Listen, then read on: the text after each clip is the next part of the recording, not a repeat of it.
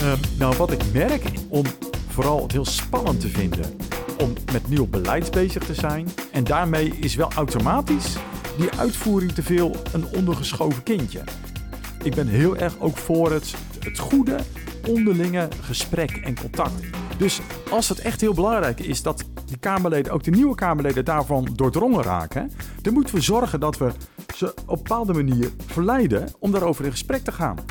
Meer respect voor de uitvoering op alle fronten. Welkom in de publieke ruimte. Een podcast over prangende vragen en taaie dilemma's die komen kijken bij een betere publieke dienstverlening. De plek waar nieuwe perspectieven een podium krijgen. Welkom, welkom in de publieke ruimte. Eh, Otto, Ja, wij eh, zijn eh, bij onze gast thuis. Zeker. Eh, eh, maar voordat we daarmee gaan praten, even een vraag aan jou. 25 jaar geleden, wat deed jij? Oeh, 25 jaar geleden, dan eh, gaat het om 1998. Ik denk dat ik toen het bestuur was van een studentenvereniging in Nijmegen. Ja. Dat ik alles deed behalve studeren. Een Dat wild leven. ik- ja, nou, ja, in, in mijn hoofd was het buitengewoon wild. Ja. Ja, ja, nou ja, bij ongeveer hetzelfde. Maar we zijn nu bij iemand thuis die toch al met wat serieuzere dingen bezig was. Hij was eh, 25 jaar geleden ook al Kamerlid. En daar is hij de laatste 25 jaar te vinden. De laatste 13 jaar is hij zelfs eh, fractievoorzitter van zijn eh, partij, de SGP. Ja, klopt. Hij is het langzittend Kamerlid in de huidige Kamer. En eh, we mogen wel spreken, we zijn te gast bij de Nestor van de Kamer. Ehm, ja, ik, ik ga nog steeds de naam niet noemen, maar de luisteraars hebben natuurlijk al lang door wie het hebben. En we willen het ook vooral hebben met, met hem over het vak van Kamerlid. Want het is natuurlijk aan de ene kant interessant om politieke beschouwingen te horen, maar ook wel eens te horen van hoe, hoe, hoe zit dat vak eigenlijk in elkaar? Het vakmanschap van het Kamerlid, is het nou veranderd die 25 jaar? Ik kan me voorstellen van wel, maar laten we dat eens beluisteren zo. Ja, eh, en, een, en een paar maanden geleden eh, gaf hij al aan dat hij na de verkiezingen gaat stoppen. En dus komt er na 9334 dagen op 6 december een einde aan zijn carrière in de Tweede Kamer. Kees van der Staaij, welkom in de publieke ruimte. Dank. En dank dat we hier te gast mogen zijn eh, bij jou Met thuis. genoegen. De, de muren die we hier eh, om eh, ons heen zien, heb je die nou meer of minder gezien dan de muren van de Tweede Kamer? De afgelopen 25 jaar. Nou, ik denk toch wel de, de muren van de Tweede Kamer meer. Ja. ja, ja, ja in een aantal uren. Want Wat- als ik hier thuis ben, dan is een groot percentage eh, toch wel eh, opgegaan aan het slapen.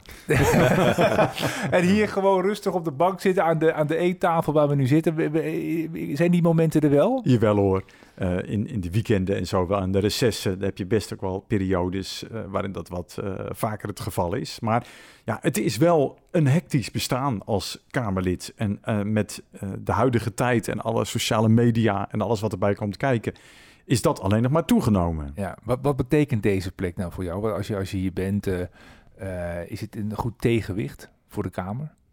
Het thuis. Ja. Ehm, ja, maar ik zeg er wel gelijk bij. Ik merk ook dat thuis is ook wel een werkplek. Het is voor mij minder thuis tegenover het werk, zeg maar. Dan heb ik toch nog meer. Wij hebben ook eh, nog eh, eh, in de familie een huisje in Oudorp. Nou, als we daar zijn, heb ik het idee, dan heb ik vrij, zeg maar. En je Ja. merkt ook wel dat er nog wel een soort eh, heilig ontzag is voor het op vakantie eh, zijn. Eh, dat er dan eerder wordt gezegd van oké, dan moeten we hem even met rust laten. Dus en, en thuis, ook al is het reces, al is het vakantie, oh, maar hij is thuis, hij is bereid. Dus thuis is ook wel, nou, een beetje een halve werkplek. Ja. Toch ook. Ja. Ja, 19 mei 1998, dat was je eerste werkdag in de Kamer. Kun je je die dag eigenlijk nog herinneren? Nou ja, de allereerste dag eh, was natuurlijk de plechtige beëdiging. En ook wel het gevoel dat ik me dat wel herinner dat je daar in die zaal rondliep. En, en, en ehm, dat je dacht, ja, ik mag hier echt zijn. En ik, ik, ik, ik ga hierbij horen. Dat, dat, dat, dat maakte wel indruk. Toch zo'n zaal die je van een afstand eh, alleen maar had bekeken.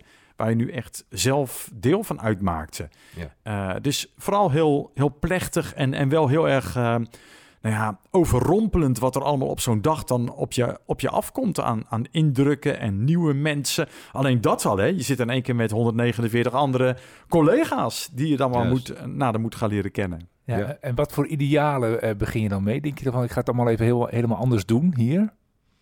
Nou, nee, eigenlijk, eh, misschien heb ik het daarom ook wel zo eh, lang volgehouden. Als je juist dacht van, ik kom hier even de wereld verbeteren. eh, na drie weken is het nog niet echt opgeschoten. dan raak je misschien ook wat gefrustreerd. Maar ik had dat niet zo sterk. Ik had wel een beetje het idee van, Nou, ik geloof niet dat je hier nou heel snel en ook natuurlijk als lid van een kleine fractie.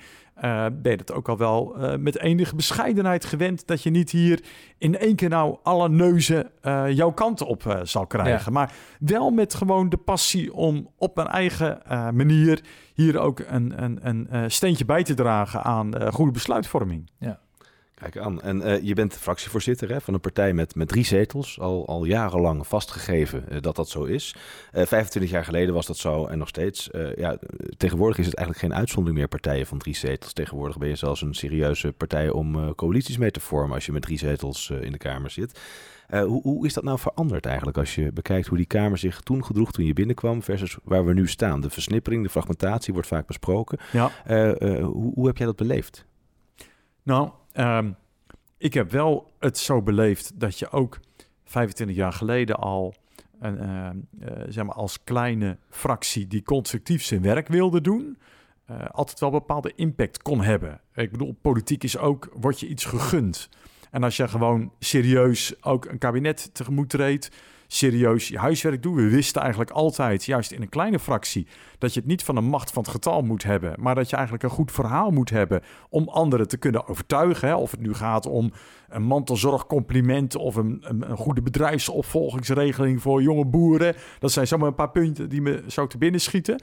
Vanuit die begintijd, dan wist je van ja, je moet daar goed verhaal hebben en je moet je contact op orde hebben. Je moet ook bondjes weten te smeden met andere uh, partijen, want die heb je nodig. Het is wel zo, ja, dat is een beetje een gemengd beeld. Hè? Want aan de ene kant, wat je al zei, vanuit die fragmentatie van politieke partijen, betekent dat ook dat je nu soms veel meer uh, je best moet doen om uh, een meerderheid te krijgen onder je motie of je amendement. He, want met, uh, ja, vroeger met twee namen eronder had je soms al een meerderheid. Ja. twee coalitiepartijen die je voor je karretje wisten spannen en je was binnen. Ja. En nu heb je soms wel zes namen nodig voor een meerderheid. Dus dat is ook wel gewoon een stukje vanuit het vak van Kamerlidmaatschap gezien, wel een stukje arbeidsintensiever. Maar gaat dat dan ook ten koste van de inhoud? Als je zoveel meer op relatie moet werken, omdat je die, die coalities, of, hè, je moet coalities smeden om jouw plan, jouw voorstel, jouw motie, jouw amendement gesteund te krijgen. Gaat dat soms ook ten koste van de inhoud als je meer partijen erachter moet zien te krijgen? Nou, ik vind niet per se ten koste van de inhoud, want je hebt ook wel uh, kans dat binnen die partijen die je nodig hebt, juist ook wel heel kritisch ook uh, naar die inhoud wordt gekeken van nou overtuig ons maar dat wij hier echt in uh, mee moeten gaan. Uh, dus daar moet je ook wel je best voor doen. En uh, ik noem maar iets van, nou, het is uiteindelijk niet gelukt, maar we zijn er wel dichtbij geweest. ik heb nog een poging gedaan om nog de koning weer terug te laten komen in de kabinetsformatie. In het begin in die verkennende rol, zeg maar. Nou ja, en we nog een advies van de Raad van State ingevraagd. ook een aantal gesprekken gevoerd. En nou, het had zomaar ook gekund dat dat wel uiteindelijk een meerderheid had gekregen. Maar dan merk je uh, uiteindelijk hielp het wel om daar wel op de inhoud ook echt in achtergrondgesprekken nog over ja. door te uh, spreken en te laten merken dat je, het, uh, dat je erover nagedacht hebt. Dus de, de ene kant is je hebt meer partijen nodig. Aan de andere kant is het ook wel zo voor kleine fracties, je kan er allemaal toe doen. Dat heb ik zelf natuurlijk ook meegemaakt in die afgelopen 13 jaar. minderheidskabinetten in de Eerste Kamer of uh, hele wankele meerderheden. Uh, dat er ook echt ge geïnvesteerd wordt van de kant van het kabinet in meer constructieve partijen. Uh, van, nou, kunnen jullie meegaan ja. uh, met dit of dat plan? En dat vind ik eigenlijk wel mooi, want het dwingt je ook wel tot een bepaalde professionaliteit. Je kan niet denken van, nou weet je, wij kunnen wel makkelijk wat roepen, uh, want wij zijn toch oppositie en, en de coalitiepartijen die vormen een dikke meerderheid met elkaar. Nee, dat lag eigenlijk al een beetje in onze aard van als een kleine partij die er ook wel zo'n traditie in hebben, die gewoon vakwerk willen leveren. Maar door de politieke omstandigheden is dat eigenlijk nog meer beloond. Dat je ook nog meer kansen krijgt om ja. ook mee te doen. Ja. Je, je, vertelde in een interview ook dat, dat je begon met respect voor de Kamer en eindigt met liefde voor de Kamer. Ja. Is die liefde wel eens bekoeld in de afgelopen 25 jaar? Niet voor de Kamer als geheel. Soms wel voor natuurlijk. Um, ja, de inbreng in, in Kamerdebatten. Um, waarvan ik wel eens denk uh, van uh, verdraaid Waarom wordt nou weer een motie ingediend die we anderhalf jaar geleden ook al ingediend hadden? Dit is wel een beetje afbreuk doen aan het instrument motie op deze manier. Uh, maar aan de andere kant, uh, het instituut rekenkamer, het de rol van het parlement, misschien is die liefde eigenlijk juist ook wel nog sterker geworden vanuit de ervaring als buitenlandwoordvoerder. Dat je op zoveel plekken in deze wereld ook komt waar er uh, nou ja, een soort van anarchie of burgeroorlog is. Of uh, mensen uiteindelijk ook wel in het parlement zitten, maar alleen maar om ergens op de loonlijst te staan en niet echt bezig zijn om uh, het land te dienen. Dan denk ik van nou, we mogen echt nog wel dankbaar zijn. Uh, en ook wel het goede voldoende voor het voetlicht brengen. Wat we hebben opgebouwd, kan ook zomaar weer verdwijnen. Zeg maar. Het is niet een, een bezit van dat is er voor eens en voor altijd. Dus, dus we moeten er ook van houden, we moeten er ook goed voor zorgen. Ja, en, en toch merk je nu dat de cijfers als het gaat om vertrouwen in die overheid, vertrouwen in de politiek en in het leiderschap, die is, die is een neerwaartse trend waar we naar kijken. Uh, in internationale context blijkt die dan uh, in het buitenland nog eigenlijk veel lager te liggen. Hè. In Nederland zo rond de 50% vertrouwen, uh, in landen om ons heen rond de 40%. Maar goed, laten we ons niet altijd vergelijken met anderen. Die neerwaartse trend, ja. baart je dat zorgen als Kamerlid? Zeker, absoluut. En trouwens ook van de overheid als geheel. Hè? dat er dat je merkt dat mensen ook kritischer worden of uh, door misstanden die natuurlijk er zijn geweest, dat mensen al zich wild schrikken. Dus, dus, dus ja, dat, dat raakt mij wel, maar ik heb dat eigenlijk wel voor mezelf steeds proberen om te zetten, ook in, in, in uh, vasthoudendheid, om me in te zetten voor uh, nou, voor kleine steentjes bijdragen aan het verbeteren van het functioneren van ja, die overheid. Niet laten ontmoedigen door niet dat soort laten trends. ontmoedigen. Er is nee. genoeg wat goed gaat en genoeg wat beter kan. En daar moeten we gewoon ons best voor doen. En niet, niet berusten. Ik ben eigenlijk wel een beetje beducht ook voor een soort van... Nou ja, cynisme van uh, het, het, het is allemaal niet wat en uh, nou, het zal allemaal nog wel verder achteruit kachelen, zeg maar. Dat, want dat wordt ook een soort zichzelf vervullende profetie als je niet uh, oppast. En we moeten ook oppassen, ook allerlei organen die aangesteld zijn om juist ons scherp te houden, ook als parlement. Ik noem de, de rekenkamer, de ombudsman, dat die ook niet steeds luider gaan spreken om de aandacht te krijgen. Uh, uh, want dat kan er ook toe leiden dat het ook allemaal nog alarmistischer klinkt. En dat het nog allemaal lijkt alsof het maar één grote puinhoop is met die hele Rijksoverheid. En dat zou ik ook zeer betreuren. Maar zeg, maar zeg je daarbij dan ook dat die toezichthouders, hè, zoals de Algemene Rekenkamer, dat die soms even wat rustiger aan moeten doen om de balans goed te houden? Want je ziet soms ook dat die overheid last heeft van zichzelf. Die, dan heb je een toezichthouder die nog, ook nog zichzelf een keer wil profileren. En ook wil laten zien van, kijk eens, ik ben echt heel goed bezig. Kijk eens even hoe kritisch ik ben. Is dat ook een oproep om die toon soms iets meer te matigen? Mijn oproep is wel inderdaad om de eigenlijk uh, schroom niet om zowel uh, de, de complimenten uit te delen als aan te geven wat er misgaat. En het is in het hele leven zo dat je zegt, ja, maar als we dan te zeggen dat dingen goed gaan, uh, worden mensen dan niet uh, lui omdat ze dan denken het loopt allemaal wel goed. Maar uh, wat in het hele leven niet gezond is, zo ga je niet met je kinderen om, met je buren om, om alleen maar zure dingen te zeggen die fout gaan, moet je met de overheid ook niet doen, vind ik. Dat het ook juist nuttig is om ook voor het voetlicht te brengen. En ik vind dat de rekenkamer dat bijvoorbeeld soms best ook wel op een positieve manier doet. Door te zeggen van kijk, we hebben hier twee keer een punt van gemaakt. En uh, dat is nu goed opgepakt. Uh, en hier gaan we echt even luider roepen. Want kijk maar naar de, de bolletjes in dat staatje... Uh, waar we nu drie keer op rij hebben gezegd... dit gaat fout. Dan snap ik het ook. Dan heb je ook een goed verhaal om het wat steviger aan te zetten. Maar, en andersom, hè, dat is niet alleen een, een, een, een, een oproep richting toezichthouders... van zorg dat je ook wel het, het goede voldoende benoemt... en niet te al te alarmistisch alles neerzet. Uh, maar andersom betekent dat ook dat je, uh, als er wat tegen je gezegd wordt, ook wel moet laten merken dat je luistert. Want anders ga je ook de ander uitnodigen om maar steeds harder te roepen. Uh, dus ik ben heel erg ook voor het, voor het, het, het, het, het, het goede onderlinge gesprek en contact. En niet alleen uh, want dat, dat zie je ook wel eens komen. Uh, niet, niet alleen maar zeggen van ja, maar het stond toch in ons rapport van februari vorig jaar op uh, noot 43 al dat hier iets aan moest gebeuren. En hoe kan het nou dat niemand dat oppakt? Dan denk ik ook, we moeten met elkaar ons ook goed realiseren. Dat, dan merk ik als Kamerlid, maar dat zal voor allerlei andere mensen ook gelden. Dat we allemaal bedolven worden onder pakketten informatie. En ehm, dat het ook gewoon simpelweg van belang is om het ook een beetje te kunnen behappen wat er gezegd is. En ik denk dat we vaker ook, dat stimuleer ik ook bijvoorbeeld in de gesprekken met de Raad van State, met de Rekenkamer, met de ombudsman, dat we vaker elkaar ook informeel moeten treffen. En als er een rapport is dat je dan ook zegt, we komen dat even toelichten, dan moeten we ook komen opdraven.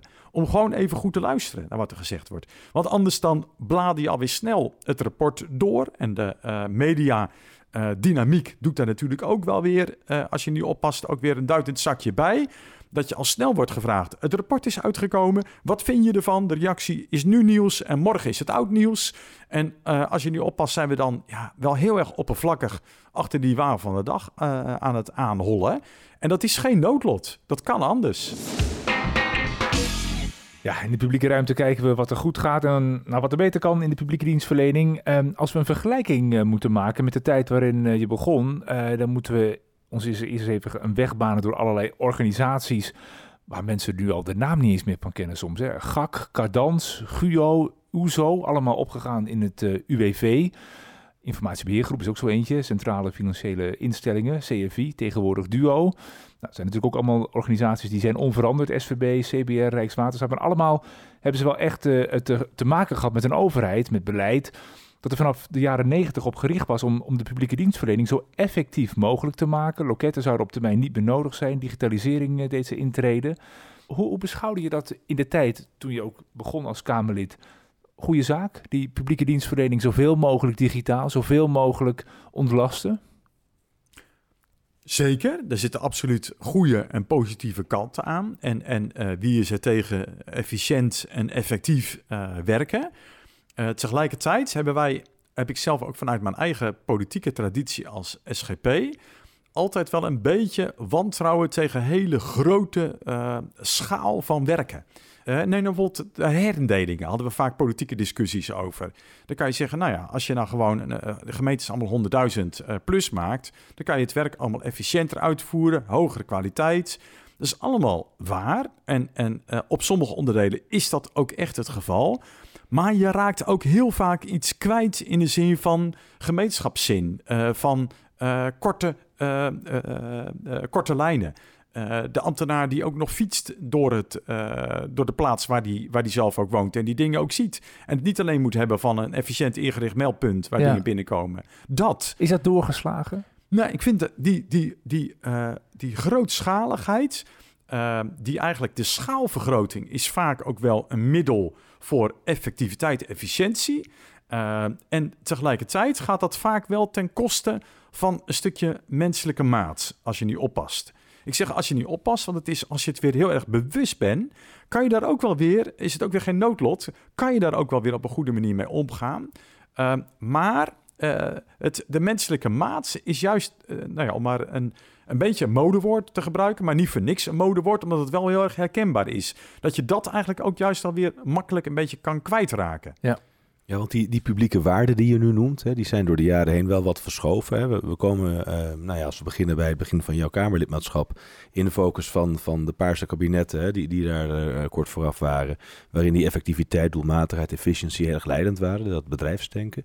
Inmiddels is het gesprek heel erg ook over andere publieke waarden, rechtvaardigheid, menselijk, menselijke maat die jij noemt. Um, heb je dat ook zo ervaren in de politieke gesprekken eigenlijk, in de politieke debatten door de jaren heen? Dat je merkte van, hé, hey, we, we praten haast niet meer over bepaalde publieke waarden zoals menselijke maatrechtvaardigheid.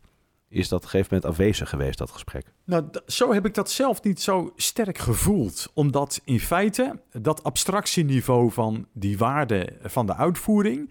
Um, dat was eigenlijk maar een, een beperkt gesprek. En, en bijna meer een reflectief gesprek van wat zijn nou die waarden daarin. Um, maar ja, de, de, de besluitvorming van alle dag ging eigenlijk meer over van uh, welke taken moeten door wie gedaan worden en op welke wettelijke voorwaarden. En daar was je eigenlijk vaak veel drukker mee in de weer ja. uh, dan uh, op het op meer wat abstractere niveau van, van de leidende waarden. en, en is, ja. dat, is dat een gemis geweest dat we dat vooral reflectief hebben gedaan en misschien niet meer richtinggevend, ook vanuit een Kamer niet? ik denk zeker dat het dat, dat het een gemis is, dat dat wel meer uh, kan en, en mag en moet. Um, tegelijkertijd merk ik ook wel uh, dat het altijd wel weer nog een, een, een, een uh, weg apart is van visie naar praktijk. Dus dat je ook, je kan ook merken dat we soms bijvoorbeeld het, het helemaal eens zijn over een dienstbare overheid die naast de mensen staat en alle prachtige waarden die daarbij horen. Maar vindt dat dan automatisch ook zijn weg naar de praktijk? Dus, en wat houdt dat dan tegen? Wat houdt het dan tegen om van die visie naar de praktijk te komen? Welke obstakels zitten daar dan tussen? Nou, misschien juist wel um, dat je wat we in de Kamerdiscussie dan wel vaak zien uh, beschouwen als een stukje uh, uitvoering. Waarvan ik zelf als Kamerlid ook wel weer de neiging had om te denken van ja, pas op dat wij ons weer niet in detail gaan bemoeien met hoe dat stukje uitvoering eruit ziet. Uh, van uh, of dat nou één loket moet zijn of over twee loketten verspreid of van wat. Dat staat dan best wel ver van je af. Ja, dus ergens denk je als Kamerlid van nou, dat, daar, ga ik, daar heb ik de experts voor, de professionals. Die gaan dat goed inrichten, die uitvoering. Aan de andere kant uh, hebben die soms te maken met wetgeving, mede bedacht soms door Kamerleden, die niet uitvoerbaar is of die knelt. Hoe ontvankelijk ben je dan als Kamerlid om die signalen weer te ontvangen en uiteindelijk, uiteindelijk te denken van hé, hey, die wetgeving, dat was toch niet zo handig of daar moeten we misschien nog wat uh, aanscherping bij hebben. Is die, is die ruimte er altijd geweest? Um, nou, wat ik merk is dat er, en dat is eigenlijk door de jaren heen niet zo heel veel veranderd, dat er wel een heel hardnekkig uh, mechanisme is om vooral het heel spannend te vinden om met nieuw beleid bezig te zijn en om uh, je geur- en reuksporen achter te laten in nieuwe wetgeving. Ja. Uh, en we gaan de wereld beter maken met wetten. Dat is toch wel vaak wel iets wat uh, in die wereld van Den Haag eigenlijk hangt. En daarmee is wel automatisch die uitvoering te veel een ondergeschoven kindje. En ik geloof dat dat niet alleen in de politieke benadering is, maar ik hoor dat ook wel terug vanuit de wereld van de departementen. Dat ook daarin een soort van, nou ja, soms het beleid een wat hogere status heeft dan het bezig zijn met die uitvoering. Dus het vraagt ook wel uh, meer respect voor de uitvoering op alle fronten. Ja, even over het persoonlijke vlak, hè? want uh, je hebt uh, twee kinderen geadopteerd. Uh, daar zit natuurlijk ook in de uitvoering misschien wel heel veel bureaucratie bij. Hoe, hoe, heb je dat als burger ervaren, of misschien op andere thema's, de uitvoering aan zich in Nederland? Nou, um, of nog een wat actueler voorbeeld, want bij die uh, bij, die, bij de adoptieprocedures was het maar voor een beperkt deel overheid en voor een groot deel ook bemiddelende organisatie waarmee we contact hadden, zeg maar meer de maatschappelijke organisatie. Maar uh, om nog even wat recenter een voorbeeld te geven. Uh, ik, ik, ik ben nu bezig nog om te kijken of ik trouwambtenaar voor een dag kan zijn. Bij Paps. vrienden hebben gevraagd of ik trouwambtenaar wil zijn. Nou, dat ken ik nog niet in mijn uh, bestaan. Uh, dus dan zit je even te kijken, nou, hoe is dat nu geregeld? En de gemeente waar dat het geval zou zijn, die zegt, ja, dat is allemaal nogal ingewikkeld, alle ambtenaren voor één dag. Dus je mag het wel worden, uh, maar dan moet je het in een andere gemeente al zijn geweest. Dus oké, dus dan kijk je naar je eigen gemeente. Dus ik ben nu bij mijn eigen gemeente aangeklopt.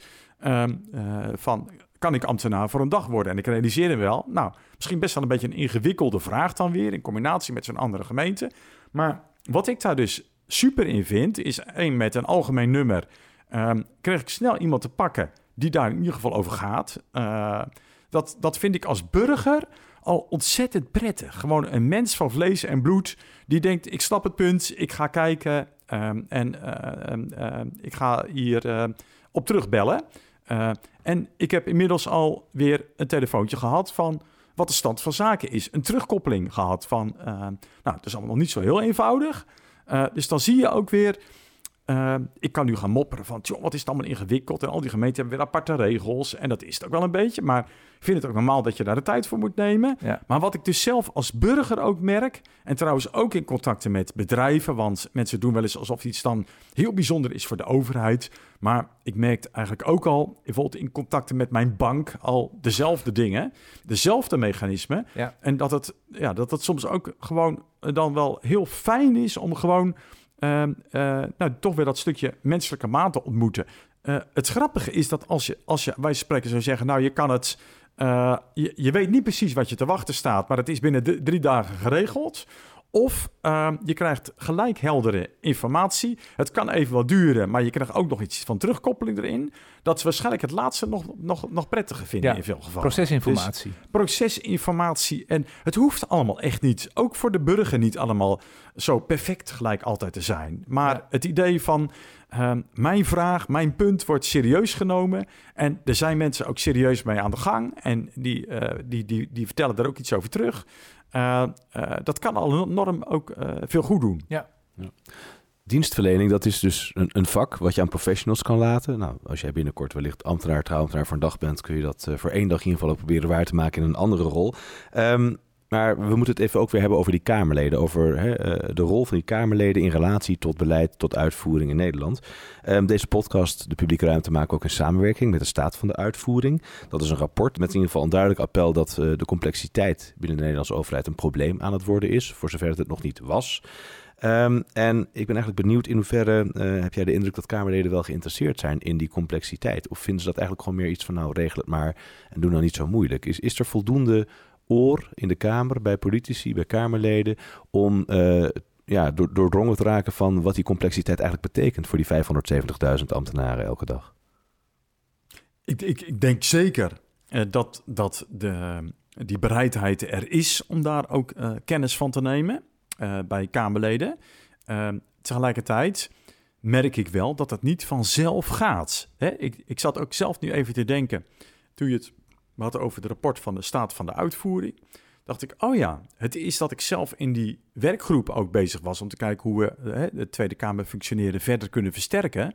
Dat ik zelf dacht, het is heel interessant om ook aan te schuiven bij het gesprek wat de commissie Binnenlandse Zaken had, die dan gaat over het functioneren van de Rijksdienst in het bijzonder ook. Ehm, ik schuif daar ook bij aan. En ik vond het, en doordat ik aanschoof bij dat gesprek, ging ik dat rapport ook nog eens even weer wat beter lezen. Nam ik dat ook mee naar die bijeenkomst. En, ehm, en, en heb ik daarvan onthouden best ook wel de urgentie van... wauw, het gaat echt nog bepaald niet van een leidakje in die uitvoering. Sterker nog, de zorgen zijn groot. Want we lopen eigenlijk aan tegen één, complexiteit van regelgeving... Twee, personeelskrapte. En drie, verouderde ICT-systemen. Nou, dat haalde ik dus echt ook... Dat is weer voor mij tegelijkertijd zo'n voorbeeld. Ehm, je kan zeggen, ja, maar dat rapport... eh, dat moet toch ieder Kamerlid lezen? Ik denk dat weinig Kamerleden dit rapport straks gaan lezen van die 150. Want weet je hoeveel rapporten dat er dan liggen in die kasten... en die er weer elke dag bij komen? Dus als het echt heel belangrijk is dat die Kamerleden... ook de nieuwe Kamerleden daarvan doordrongen raken... dan moeten we zorgen dat we ze op een bepaalde manier verleiden... om daarover in gesprek te gaan. En dat dan? ook dichterbij te brengen. Ja, maar dat vind ik een heel goed punt. Maar hoe dan? Nou, ik heb ook, eh, we hebben ons rapport hebben wij gezegd van, van de werkgroep. En ik heb dat ook nu, eh, ook, ook eh, maar wie het horen wil, ook verder gezegd in de contacten met de Rijksoverheid en dergelijke. Of met mensen die straks misschien Kamerleden die blijven en die voorzitter worden van een Kamercommissie. Dan zou ik zeggen, hoe ziet nou zo'n introductieprogramma eruit eh, voor nieuwe Kamerleden? Krijg je ook heel veel over je heen. Maar mijn tip zou zijn: zorg dat je eigenlijk ook bij die Kamercommissie als uitvoeringsdienst ook gewoon simpelweg in beeld bent. En eh, daar ligt er vooral. Het initiatief kan van twee kanten komen. Eh, maar eh, ik weet dat het ook nu al soms gebeurt. en ook niet altijd vanzelfsprekend was dat binnen ministeries bepaalde bijeenkomsten worden gehouden. Met allerlei uitvoeringsorganen en adviesinstanties en een soort reflectiemomenten. Zoiets zou je ook kunnen voorstellen dat je met de, eh, met de nieuwe te vormen Kamercommissie zegt van nou, we hebben nu eens even een halve dag, daar plannen we even geen commissiedebatten. En we hebben een soort van speeddates in de grote zaal met allerhande uitvoeringsorganen en adviesinstanties. En daar gaan we dus even ook eh, contacten leggen met die nieuwe Kamerleden, die nieuwe woordvoerders. En weet je wat we ook doen? We geven gelijk ook even eh, een 06-nummer. Van als jij op dit terrein vragen hebt, is dit het telefoonnummer. Want die ministers die komen wel aan richting Kamerleden met... ik ben de politiek assistent van de nieuwe minister en eh, weet mij te vinden. En die minister komt ook wel even langs om te zeggen... nou, wat vindt u eigenlijk belangrijk als eh, Kamerlid? Dus dat is tegenwoordig ook wel eh, een vast gebruik... dat even zo'n koffierondje, eh, nieuwe ministers, nieuwe Kamerleden. Maar daar begint dus al een cruciaal moment, leer je elkaar kennen. Als je elkaar leert kennen, weet te vinden, een keer ook hier weer een menselijk contact hebt gemaakt, is de kans ook groter dat als jij iets te melden hebt, ehm, eh, dat er dan ook uh, naar geluisterd ja, wordt. ik vind dit een heel goed idee, Otto. En Mm. tegelijkertijd denk ik van, dit vinden heel veel mensen heel spannend. Speeddaten, 06-nummers uitwisselen met Kamerleden tussen uitvoeringsorganisaties, vinden mensen heel erg eng. Want ja, voor je het weet heb je een minister achter je aan van, ho ho, daar ga ik over. Ja, dat is dus wel echt eh, eh, een hele belangrijke. En daarom hebben we vanaf de kant van de Kamer ook ons best gedaan om te zeggen: eh, zorg dat die richtlijnen eigenlijk soepeler zijn. Maar dat is ook weer zo'n leuk voorbeeld. Hè? Wij zijn gere- op die, de Oekase kok en zo natuurlijk, die ooit al wat strenger was. En later dan is er op een gegeven moment een verandering ingekomen. En dan, nou, dan worden die regels wat soepeler. Maar dit is ook weer zo'n voorbeeld. Ook zelfs al geven die regels wat ruimere mogelijkheden, betekent niet dat gelijk die cultuur die ontstaan is daarmee aangepast is. Dus eh, het vraagt ook van twee kanten eh, om daar ook gewoon wat ontspannender mee om te gaan. En ik zie er wel goede voorbeelden van. Eh, om een voorbeeld te noemen, ik was op een gegeven moment bezig bij, op het terrein van justitie, een Kamercommissie. Met, daar liepen we aan tegen wetgeving die eh, anti-witwassen, anti-heling, eh, eh, strengere maatregels ook voor bijvoorbeeld kringloopwinkels stelde. Dat ze, nou ja, als je niet oppast, nog in de elektrische tandenborstel moesten gaan registreren van wie die afkomstig was. Maar een enorme registratielast als gevolg voor die kringloopwinkels. Nou, wij dachten, kunnen niet met een abonnement komen als die wet behandeld wordt. Maar ook weer, een abonnement is best ook nog een hele klus om daar goed zicht op te hebben van, maar wat speelt er nou allemaal? Kunnen we zeggen om niets? Als je maar een kringloopwinkel om niet bent, dan, eh, dan, dan eh, ben je vrijgesteld van die plicht. Nee, want dan worden die kringloopwinkels om niet, worden dan weer eh, bepaalde- de, de helingplek. Dus kortom, het vraagt best wel wat technische kennis om daar een goed abonnement in te, in te hebben. Bij werkbezoeken met kringloopwinkel hoorden we, ja, departement ziet het punt ook wel eens er ook nog mee aan het stoeien. Toen zei ik, nou, zij zijn ermee aan het stoeien, wij zijn ermee aan het stoeien. Eh, via de politieke assistent van de minister geprobeerd daar een afspraak over te krijgen, ook met de betreffende ambtenaar. Een hartstikke goed gesprek gehad. Eh, daar een heel open gesprek over. Ja, wij hebben eigenlijk het dilemma, we zitten zus of zo te kijken. We hebben gedeelde. Dan was politiek niet spannend, omdat we allebei willen kringloopwinkels in de lucht houden en heling tegengaan. En het was eigenlijk heel erg, hebben nou goed zicht op de uitvoering. Jullie hebben inzichten als volksvertegenwoordigers, wij vanuit onze eh, beleidsmatige contacten. En, en ik vond dat een prachtig voorbeeld van, ehm, eh, van ook ontspannenheid, ook de durf om je dilemma's eh, eerlijk op tafel te leggen. Eh, en dan denk ik, van, ja, er is echt nog veel winst te behalen.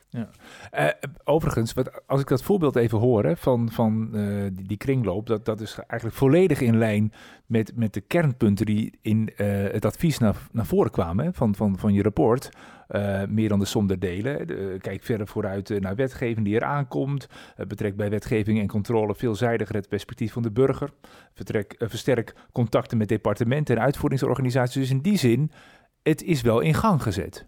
Zeker. Ja, ik ben absoluut ook niet ehm, somber over de ontwikkelingen. Het vraagt wel lange adem en, en meer oog voor de behapbaarheid. Want, want eh, juist ook op het niveau van de Rijksoverheid kunnen we de prachtigste dingen bedenken. En, en, en zijn er de mooiste publicaties en rapporten. Maar, ehm, maar is het vaak verwatert het en verdampt het in, in, in de uitvoering. Omdat die dan ook weer zo veelzijdig en complex is. En, en hoe hou je het dan goed vast? En daarom hebben we met die werkgroep ook bewust gezegd van... we willen niet weer een heel dik rapport... waar we nog weer eens een keer prachtig uiteenzetten... wat we allemaal al weten of konden weten. Maar we willen vooral ook goed nadenken over... maar hoe is dat nou ook behapbaar? Hoe kunnen we nou ook dingen verzinnen... die echt kunnen werken in de praktijk? Al zijn het maar kleine stapjes. En eh, daarom ben ik blij met bijvoorbeeld dat we... eh, ook als antwoord op die fragmentatie in de Kamer, eh, die rapporteurs meer zijn inga- in gaan zetten.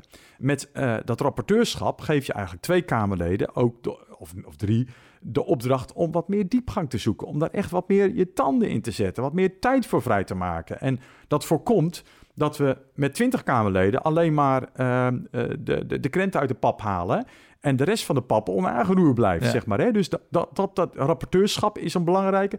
In die strategische procedurevergaderingen... eh, waar we af en toe eens een keer bij elkaar gaan zitten met de benen op tafel... vooruitkijken welke wetgeving komt er nou aan...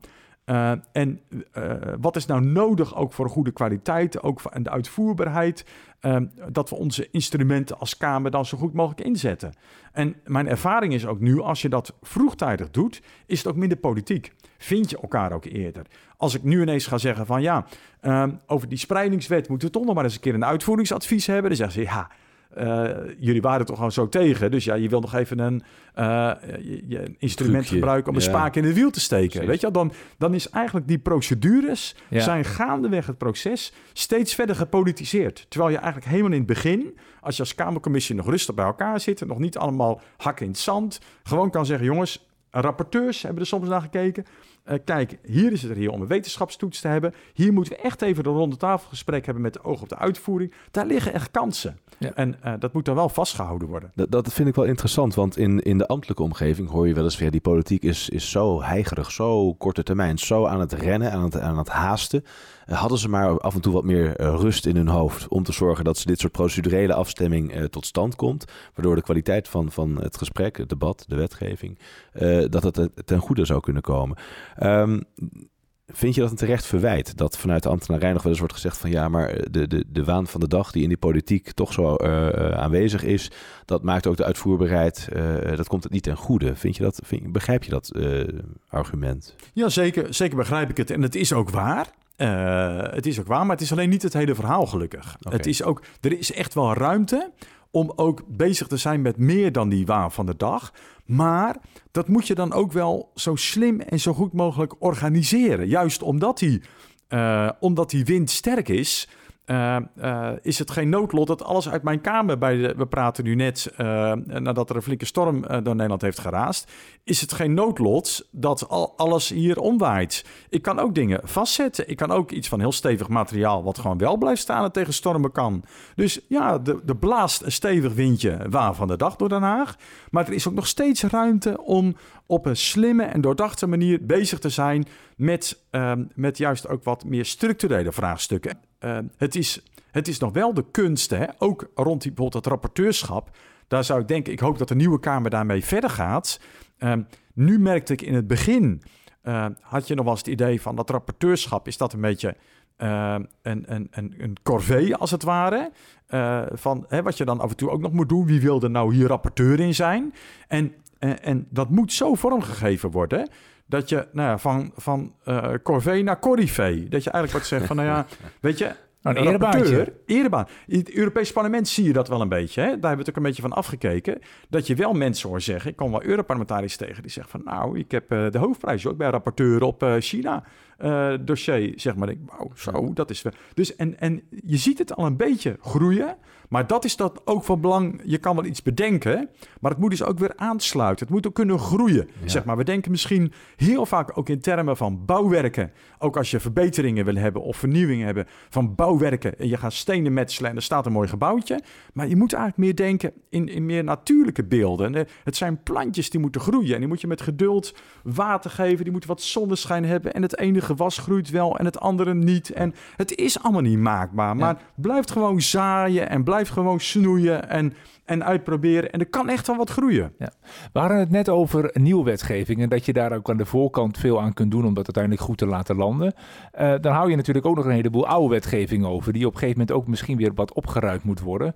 Um, we, we, werken ook samen met de Rijksbrede Benchmark Hè, en die hebben onlangs nog een congres gehad. En die zeggen ja, er werd ook een suggestie gedaan om die complexiteit te verminderen. Die zeggen als er een regel bij komt, dan moeten in ieder geval twee regels weer af. Hoe, hoe ga je eigenlijk om met oude wetgeving? Kun je, daar, kun je die goed opruimen? Ik heb het idee dat oude regelgeving, die eigenlijk een beetje uh, vaak wat achterhaald is, uh, dat die best ook wel weer makkelijk boven komt drijven in allerlei schrapsessies van uh, overbodige regels. ik heb eerlijk gezegd nog best wel eens meegemaakt dat dan enthousiast werd gemeld van nou we hebben heel wat regels weer geschrapt. en dat ik dan aan ondernemers of aan burgers vroeg van nou ik begreep dat de 20% regels geschrapt is. En merken jullie nu ook dat je het nou een stuk rustiger uh, hebt? Zijn ze nou, eerlijk gezegd, de regels die geschrapt zijn, hadden we nooit van gehoord. Maar uh, kijk, ik begrijp dat politici heel graag nieuwe dingen bedenken. Want nieuwe ontwikkelingen zijn natuurlijk, daar kun je ambities in kwijt. Het beheren van wat er al is, het, het opruimen eigenlijk hè, van, van, van oude regels waarvan je zegt, nou in een aantal gevallen weten we niet eens dat ze bestaan, hebben ze, zijn eigenlijk dode letters. Um, is het ook niet in Nederland zinvol dat er toch meer aandacht voor is? Omdat als je kijkt eh, naar de complexiteit die in ambtelijke omgevingen wordt ervaren, zeg maar vaak, ja, er zit zoveel tegenstelling in wetgeving, eh, dat we het eigenlijk niet goed weten of we iets mogen doen. Dus doen we maar eventjes nu niets. Ja, nou dat is zeker waar. En ik, ik, ik herken ook wel, zoals wij bijvoorbeeld met ons eigen reglement van orde als Tweede Kamer omgaan, hebben dan van tijd tot tijd uh, wat wijzigingen aan. En op een gegeven moment zeggen, ja, is de samenhang er nog wel helemaal? En dan merk je dat er een soort, eigenlijk een soort natuurlijk proces is, dat na een jaar of 25 dan weer het gevoel staat, we moeten dat echt eigenlijk weer helemaal herzien. Uh, en en uh, zo hebben we dat de afgelopen periode ook weer een keer gedaan met de werkgroep in de Kamer. En dat geldt natuurlijk op allerlei domeinen wel. Dat je, dat je ook weer, nou ja, het, het weer groot onderhoud moet plegen. En heeft de politiek daar een rol in? Of zeg je van nou ja, dat, dat als de ambtenarij ons dat nou voorlegt, hè, bij zo'n schapsessie van kijk eens, uh, we hebben een analyse gedaan en dit zou eigenlijk wel minder kunnen. Is dat aan ambtenaren om aan te dragen of is het aan politici om dat op te sporen? Ik denk allebei. Dat je wel, uh, wij hebben ook wel eens ons best gedaan, uh, bijvoorbeeld in de zorgwereld, waar ik echt onder de indruk was van keer op keer bij werkbezoeken, bij verkiezingsbijeenkomsten met zorgpersoneel. Dat er werd gezegd, we, we, we lijden zo onder die regels. Kan het nou echt niet wat minder? En uh, nou ja, dat, dat op een gegeven moment dat best heel traag eigenlijk uh, maar verliep. Dachten we, nou, we gaan zelf als even opsporen of het niet allemaal wat minder kan. Maar dat viel toen toch eerlijk gezegd best wel een beetje tegen. Omdat heel veel regels bleken niet in wetten terug te gaan, maar die bleken ook gewoon te komen vanuit het management van de eigen zorgorganisatie zelf. Ja, of processen vanuit een zorgkantoor. Ja, of ja. van ja, maar dit moet gewoon om. Dus, um, dus uh, uh, uh, we maken het wel met elkaar vaak heel complex, maar ook met meer actoren dan je in eerste instantie denkt. Er wordt wel heel gauw gedacht van nou ja, het kwaad zit allemaal in Den Haag, maar dan blijkt de, de werkelijkheid toch wel ook daarin wat genuanceerder. Dus we hebben een gedeelde verantwoordelijkheid op dat stuk, hoor Zeker. Ik zeggen. Ja. Kees van der Staaij, nog een, een paar weken. Zit het erop? Gek idee eigenlijk, hè? Of niet? Of is het, begin je een beetje te wennen aan het idee? Ja, het is, het is aan de ene kant wel een gek idee. Uh, aan de andere kant, nou, pas weer zo'n dag dat we dan s'morgens om uh, half tien begonnen en dan tot uh, kwart voor vier s'morgens uh, de laatste stemmingen deden. Dat zijn wel van die momenten waarop ik even denk, ik heb wel een goed besluit genomen om een keer te denken van, het mag wel ietsje meer de lulte en de rust zijn dan de hele dag nog weer moties in te dienen, aan te horen, daarover te stemmen. Ja. En, en, de hele hectiek, waarvan het prachtig was daar onderdeel van te zijn, maar ook wel een keer weer achter je te laten. Wat zie je nou als de, de belangrijkste bijdrage aan Nederland de afgelopen 25 jaar? als mijn eigen bijdrage. Ja. Um, nou, niet, niet één iets heel groots of zo. Ik denk meer aan uh, dat, je, dat ik gewoon op mijn manier... Nou, we hadden net over het beeld, over de gewassen die groeien in de tuin. Ik voel me zo ook wel een beetje de tuinman... die daar altijd wel weer met vreugde daar het werk heeft gedaan. Hier wat onkruid weggeschoffeld, waarvan je een week later het ook wel weer terug zag komen. Uh, uh, hier wat snoeiwerk. Uh, daar gewoon simpelweg met amendementen, met moties, maar ook met het volk vertegenwoordigen. met, met het geluid van je achterban te vertolken, ook in het parlement. Uh, daar een bijdrage te leveren. Met de, werkgroepen heb ik ook met heel veel plezier gedaan. Ook te kijken hoe kan je ook als, uh, uh, als parlement je wetgevende en je controlerende rol eigenlijk zo goed mogelijk, maar ook je volksvertegenwoordigende rol zo goed mogelijk invulling geven. nou, ik denk dat ik gewoon door de jaren heen daar op mijn manier mijn steentje aan heb mogen bijdragen. Ja, als we nou een, een tegeltje op, een, op de muur van een nieuw Kamerlid mogen plakken en, en dan een mooie uitspraak van, van Kees van der Staaij bij over goede publieke dienstverlening. Wat is dan het tegeltje, de wijsheid die daarop zou moeten staan, die ieder Kamerlid in gedachten zou moeten houden? Nou, uh, misschien uh, schieten me heel wat tegeltjes nu te binnen, maar ik zal er eentje. er mogen meer zijn hoor. Oké, okay. maar het is wel een leuk idee, inderdaad. Ik hou er wel van. Vaak ook trouwens zie ik dat dat soort dingen ook vaak heel goed werken. Hè? Van je kan hele dikke rapporten schrijven, maar ik hoor bijvoorbeeld van maatschappelijke organisaties wel eens terug uh, dat ze zeggen: Nou ja, wij willen niet meer dan 30% inkomsten hebben van de overheid. Anders wordt het te veel een te verstatelijkte organisatie. We willen een maatschappelijke organisatie blijven. En ik denk dat soort vuistregels, die helpen je vaak uh, heel erg ook verder. Uh, die blijven hangen. En ik zou op zo'n tegeltje dus ook zetten, ook de eenvoudige, dat is echt een tegeltjeswijsheid, maar ook, ook nog eens een bijbeltekst. zoals jij wil dat de mensen jou zullen behandelen, behandelen, behandel zo ook andere mensen. De gulden regel, uh, die eigenlijk steeds op allerlei manieren weer terug zie komen. Maar ook denken van ja, wat zou ik zelf nou eigenlijk fijn vinden? Uh, ook als burger, waar we het net ook over hadden. Uh, en, en dat blijkt dat we als mensen meer op elkaar lijken dan je denkt. En dat dat perspectief vanuit die, de burger ook steeds weer voor ogen te hebben, dat dat ook heel belangrijk is. Je zei straks al dat je uh, trouwambtenaar zou worden voor een paar vrienden. Maar de mensen die dit luisteren zeggen misschien ook al van... nou, interessant, als Kees van der Staaij trouwambtenaar wordt. dan heb ik daar ook wel interesse in. Kunnen ze je al ergens uh, gaan boeken? Of ja, je hebt straks zeeën van tijd natuurlijk. Nou, dat weet ik niet helemaal. Nee, nee ik geloof ook niet dat daar nou ik, uh, mijn, mijn, nieuwe bestemming in ligt. dat, heb je al een nieuwe bestemming? Ik heb, ik heb geleerd van diverse mensen inmiddels dat als wijsheid meegekregen... Uh, laat even, uh, als je uit die uh, draaimode van Den Haag stapt na 25 jaar, even het stof neerdwarrelen voordat je ja zegt tegen een nieuwe uitdaging. Want je zegt maar één keer ja en je zit ergens weer, ook weer, heb je aan verbonden. En het, het, het is de moeite waard op zo'n kruispunt in je leven om daar even goed over na te denken. Dus die les wil ik ter harte nemen. Heel, heel, verstandig. En dan misschien toch, toch een, een, een vraag een beetje vanuit de publieke ruimte geredeneerd natuurlijk. Is het denkbaar dat jij als oud-politicus straks ook in de uitvoering te werk komt? Um, dat is zeker denkbaar. Uh, ik sluit niks uit. Uh, uh, maar één ding weet ik wel. dat ik in ieder geval het, het wel, dat ik me nog steeds heel erg aangetrokken voel, om het maar deftig te zeggen, tot de publieke zaak. Juist. Ik heb wel gerealiseerd van ja, de, de, de, de lobbyorganisaties of bedrijfsleven of consultantsachtige dingen, dat is niet wat mijn hart. Ik wil echt heel graag nog op welke post dan ook uh, blijven bijdragen aan uh, het goede werk van, van de overheid in dit land. Fantastisch. Ja. Kees van der Staaij, dankjewel. Graag gedaan. Ja, dit was De Publieke Ruimte, een podcast over het verbeteren van publieke dienstverlening. Naast mij zit Martijn Grimius, mijn naam is Otto Tors. Met dank aan onze gast hier aan tafel in zijn eigen kamer, uh, Kees van der Staaij, de Nestor van de Tweede Kamer, nog eventjes tot 6 december. Vond je dit interessant? Deel de podcast dan met collega's via social media en geef een reactie in de comments. Abonneer je op ons kanaal, dan krijg je vanzelf de nieuwste aflevering in je favoriete speler aangeboden. Graag tot de volgende keer. Tot de volgende keer.